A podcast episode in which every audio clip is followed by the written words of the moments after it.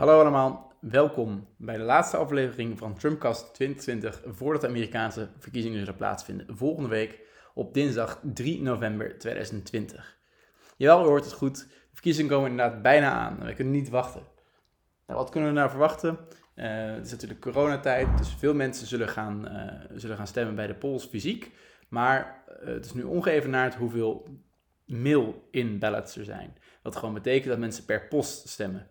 Nou, dan zien we hier dat er een kleine, uh, een klein gedeelte, een groter gedeelte van de democraten uh, in principe per post stemt dan de republikeinen.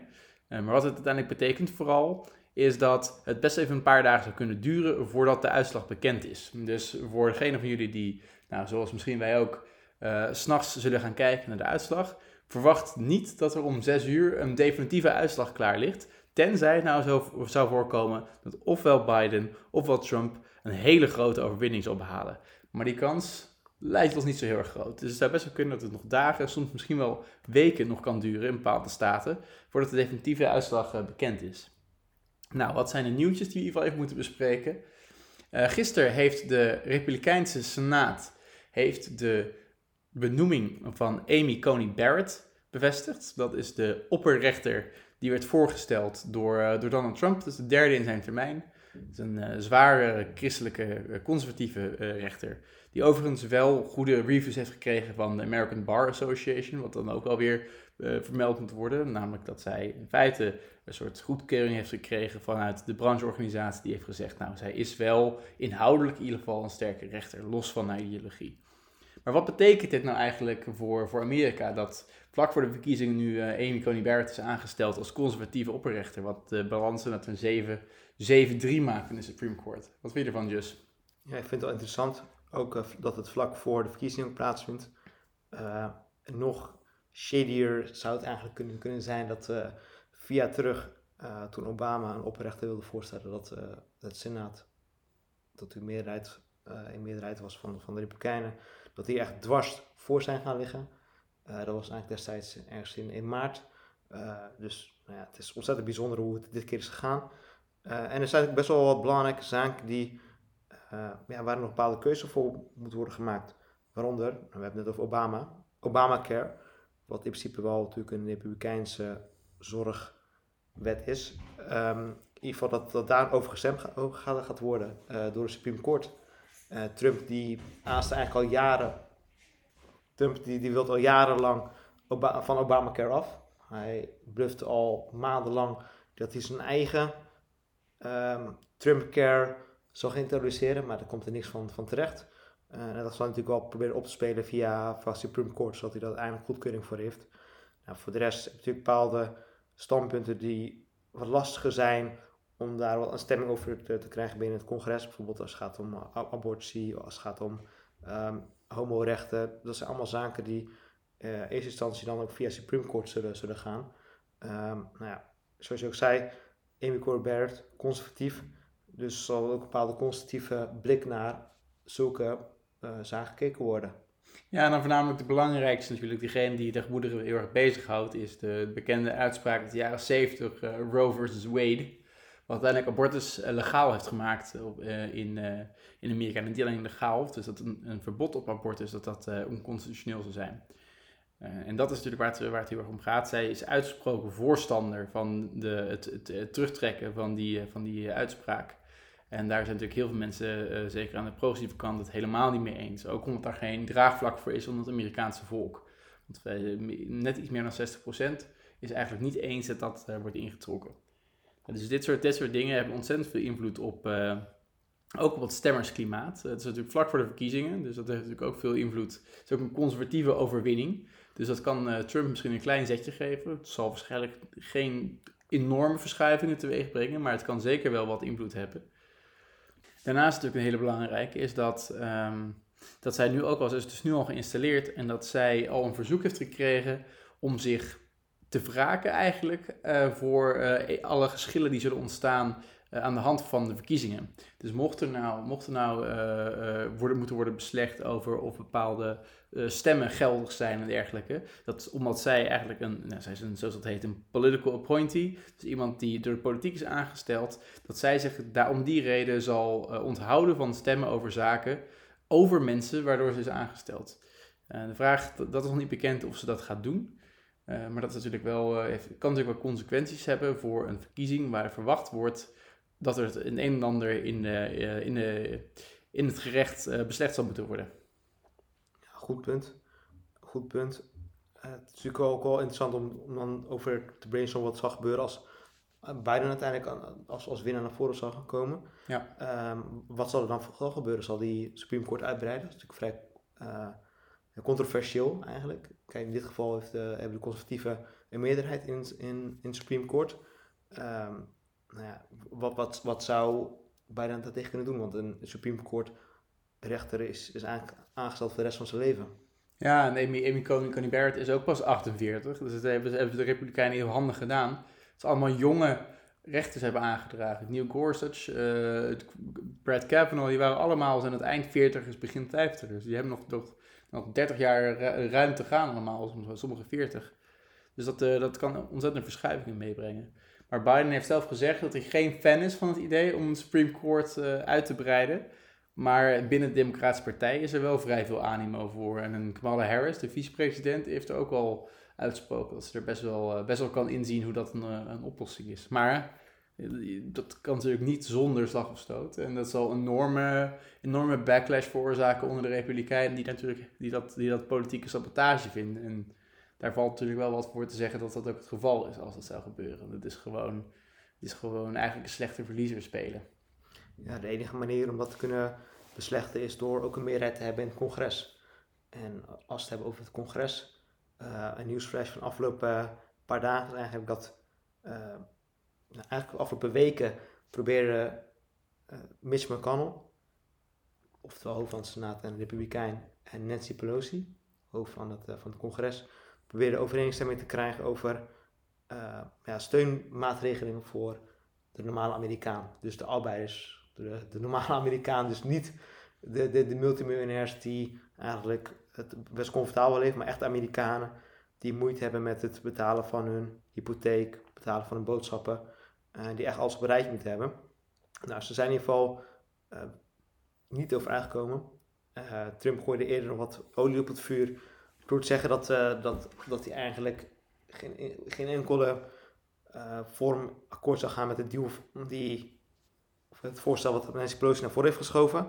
Ja, en die ziet eigenlijk ook, natuurlijk ook zwaar politiek, want het is ook in de nadeel van Pelosi om vlak voor de verkiezingen een deal te, te strijken met, met Mitch McConnell. Want dat zou natuurlijk Trump massaal mee aan de haal gaan. Uh, die zou dat als ook groot nieuws gaan brengen. Dus ja, Pelosi heeft ook wel zijn, uh, heeft ook wel haar redenen om, om in ieder geval niet de ultieme doel naar voren te stellen. maar als je kijkt naar bijvoorbeeld McConnell die dan ook zegt van, nou ja, weet je, we gaan nu in, in reces. We gaan er pas in november weer, weer mee aan de slag.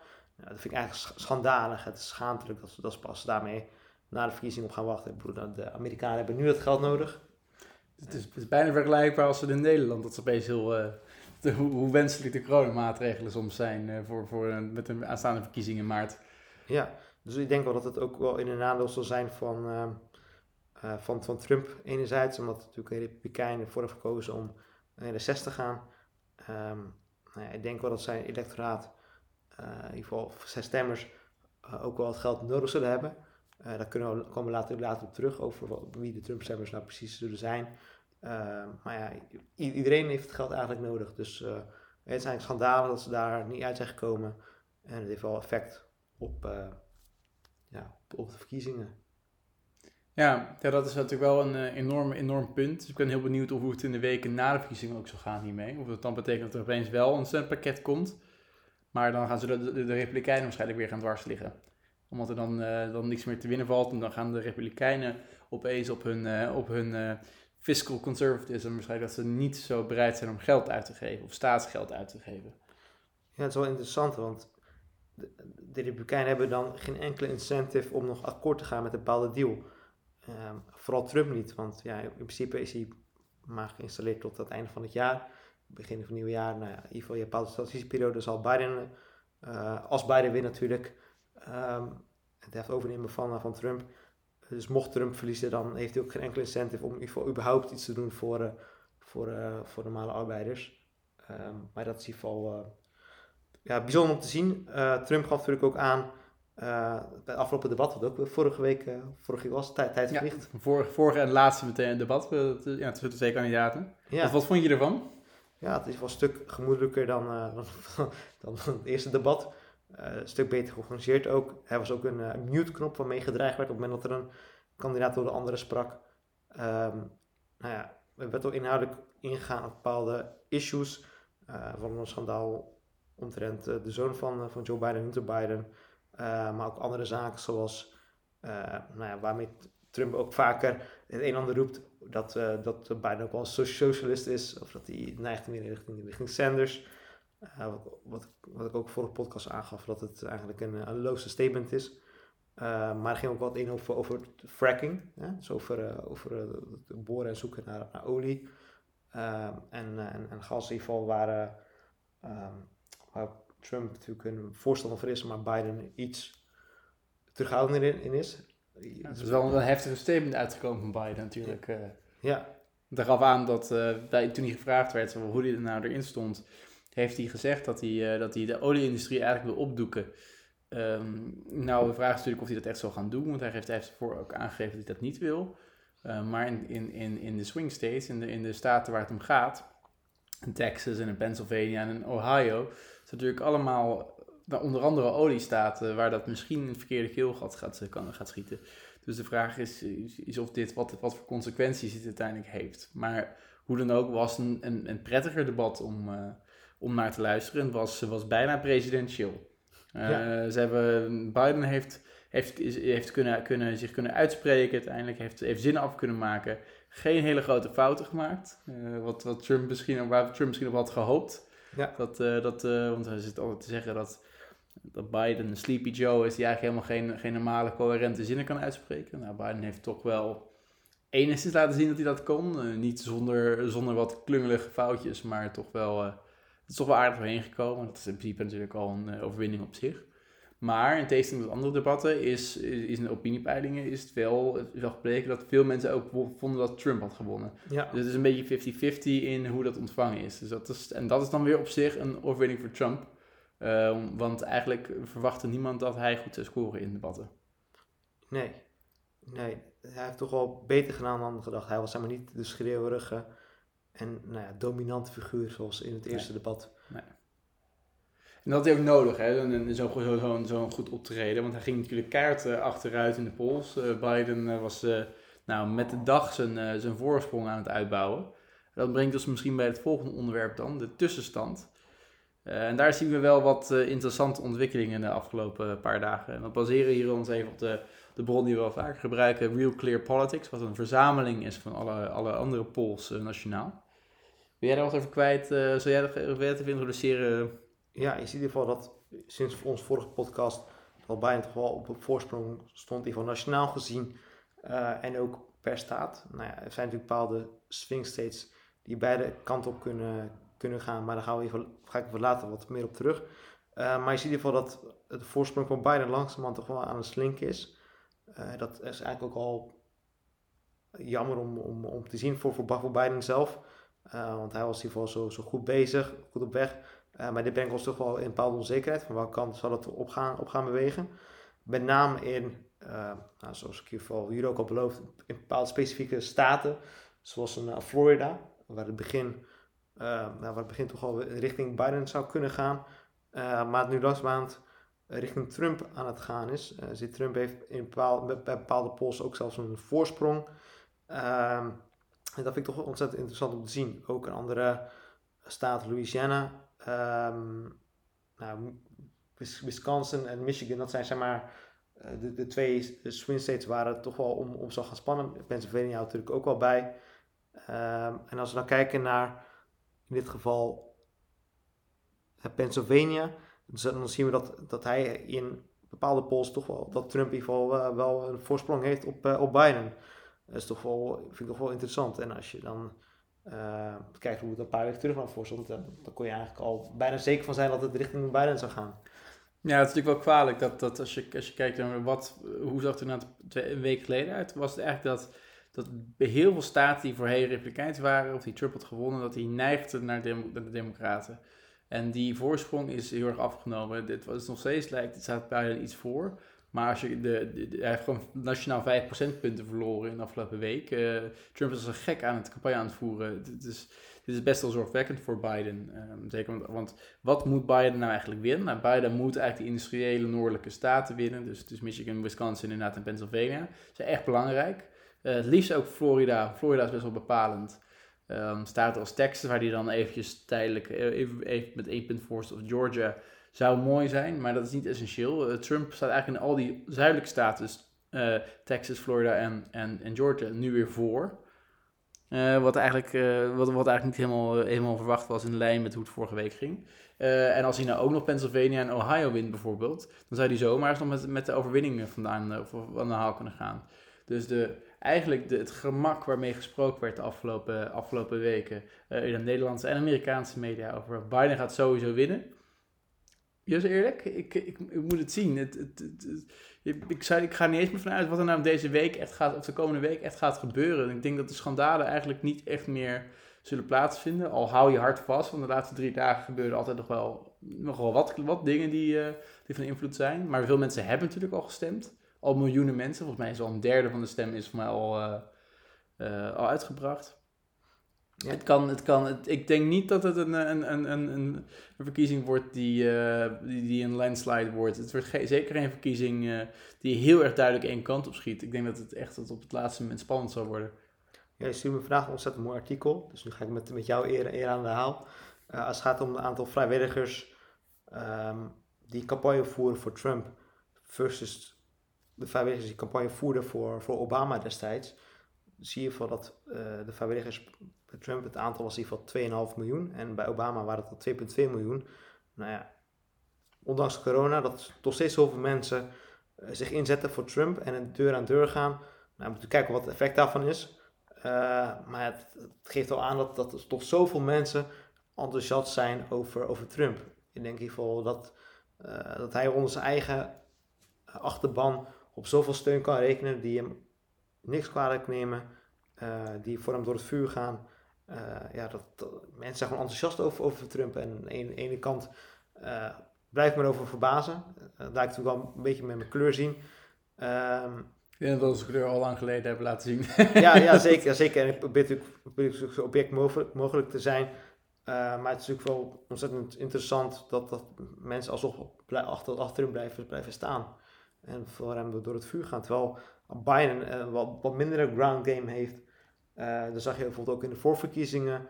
Uh, hij had bijvoorbeeld geen, um, geen ground game in, in California uh, en in bepaalde andere staten. Nou, California ging natuurlijk richting Sanders, maar andere staten waar Biden geen campagne had gevoerd, die gingen alsnog richting, richting Biden.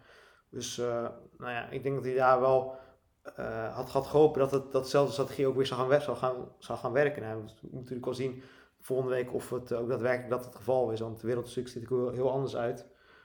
Um, maar ja, ik blijf natuurlijk wel interessant vinden uh, wat effect het zou, zou kunnen hebben. Dat, dat ja. alsnog mee aan, mee aan de raad zou gaan. Maar durf je er geld op in te zetten wat de uitslag uh, gaat worden? Of, uh... Nee. Nee, hè? Nee. Ik durf mijn geld er niet op inzetten, nee. Heb je wel een, een, een lichte inschatting? Um, nou, een lichte inschatting is dat men alsnog een bepaalde swing states ervoor kiest dat ze toch wel richting, richting Biden zullen, gaan, zullen gaan stemmen. Met name wat in de swing states, wat meer industriële swing states, dat die toch wel de dupe zijn, zijn geworden van, uh, van Trump. Uh, ik, ik zag laatst een artikel over dat een, een, een, chipfabrikant, Foxconn, had beloofd dat ze een fabriek zouden openen in Michigan, was volgens mij. En daarmee had beloofd dat ze in ieder geval voor meer dan 10.000 Amerikanen aan, aan, um, aan werkvoorziening zouden verrichten. Nou ja, hebben ze natuurlijk flink subsidies voor gehad. Uh, uiteindelijk uh, hebben ze die belofte niet waar kunnen maken. Hebben ze eigenlijk maar 300 of 400 hooggekwalificeerde banen kunnen aanbieden aan, uh, aan Amerikanen. Dus ja, weet je, die, die beloftes die van tevoren werden gedaan door Trump, zijn uiteindelijk niet, niet uitgevoerd. En Sterker nog, ik denk ook dat, de Amerikaanse boeren de dupe zijn geworden van de verschillende tarieven die zij geven op, op, op sojabonen en dat soort zaken. Dus nou ja, ik, ik denk wel dat, uh, dat hij zichzelf daar in, in, in vinger heeft gesneden. Hoe kijk jij daarna? Nou ja, ik denk uiteindelijk nog dat, dat uh, Biden nog wel een voordeel zou hebben de dag voor de verkiezingen. Ik denk wel dat dat, dat voordeel wat hij heeft, dat de polls, de polls altijd iets positiever zullen zijn naar hem dan in het echt. Uh, dus dat, dat hij, als, het, als hij met minder dan vijf punten nationaal voor staat, dat we echt ons hardpunt gaan vasthouden. Ik denk als, als hij minder dan vijf punten in de poll voor staat, dat Trump gaat winnen. Um, dus, dus hangt er een beetje vanaf hoe die polls zich ontwikkelen. En die polls zeggen natuurlijk ook niet alles. Want het lijkt zo te zijn dat met mensen die, uh, uh, dat mensen die, die voor Biden stemmen, eigenlijk, zeker omdat hij voor staat, sneller geneigd zijn de telefoon op te nemen voor dat soort, bij dat soort polls. Uh, en ook dat mensen nog steeds, ook na die jaren, dus het gedeelte van de mensen natuurlijk heel erg enthousiast om Trump te stemmen, maar dat ook best wel veel mensen nog steeds zich een beetje schamen om Trump te stemmen. Dus dat effect in de polls wordt altijd iets te rozenkleurig neergezet. Ik denk in ieder geval dat het een, uh, dat het een, een verkiezing wordt waar we niet meteen op woensdagochtend zekerheid hebben over wat het gaat worden. Ik denk dat het, dat het elke dag daarna spannend wordt. En ik denk dat we iets hebben om, uh, om naar uit te kijken en uh, over, te, op te gaan, over te gaan smullen. Maar het zal, echt, het zal echt spannend worden. En ik moet eerlijk zeggen, ik, ik ben eigenlijk nog nooit zo invested geweest in een verkiezing als nu. dus ik ook persoonlijk, ik bedoel, wat gaat dit betekenen voor, voor de wereld als, als Trump herkozen wordt? En nou, om nou, jouw punt over kleurbekennen nog maar eens aan te halen. Ja, ik ga het hier ook doen. Ik, uh, ik hoop dat, uh, dat Biden wint. Niet zozeer, het gaat even los van ideologie. Over hoe, uh, hoe we met elkaar omgaan in deze tijd. Hoe we met elkaar omgaan in de wereld. maar dat is wel een mooi bruggetje naar wat nou... Hier is ook veel over gepraat. Wat gebeurt er nou als, als Biden wint en, en Trump eigenlijk geen zin heeft om, om de macht over te dragen?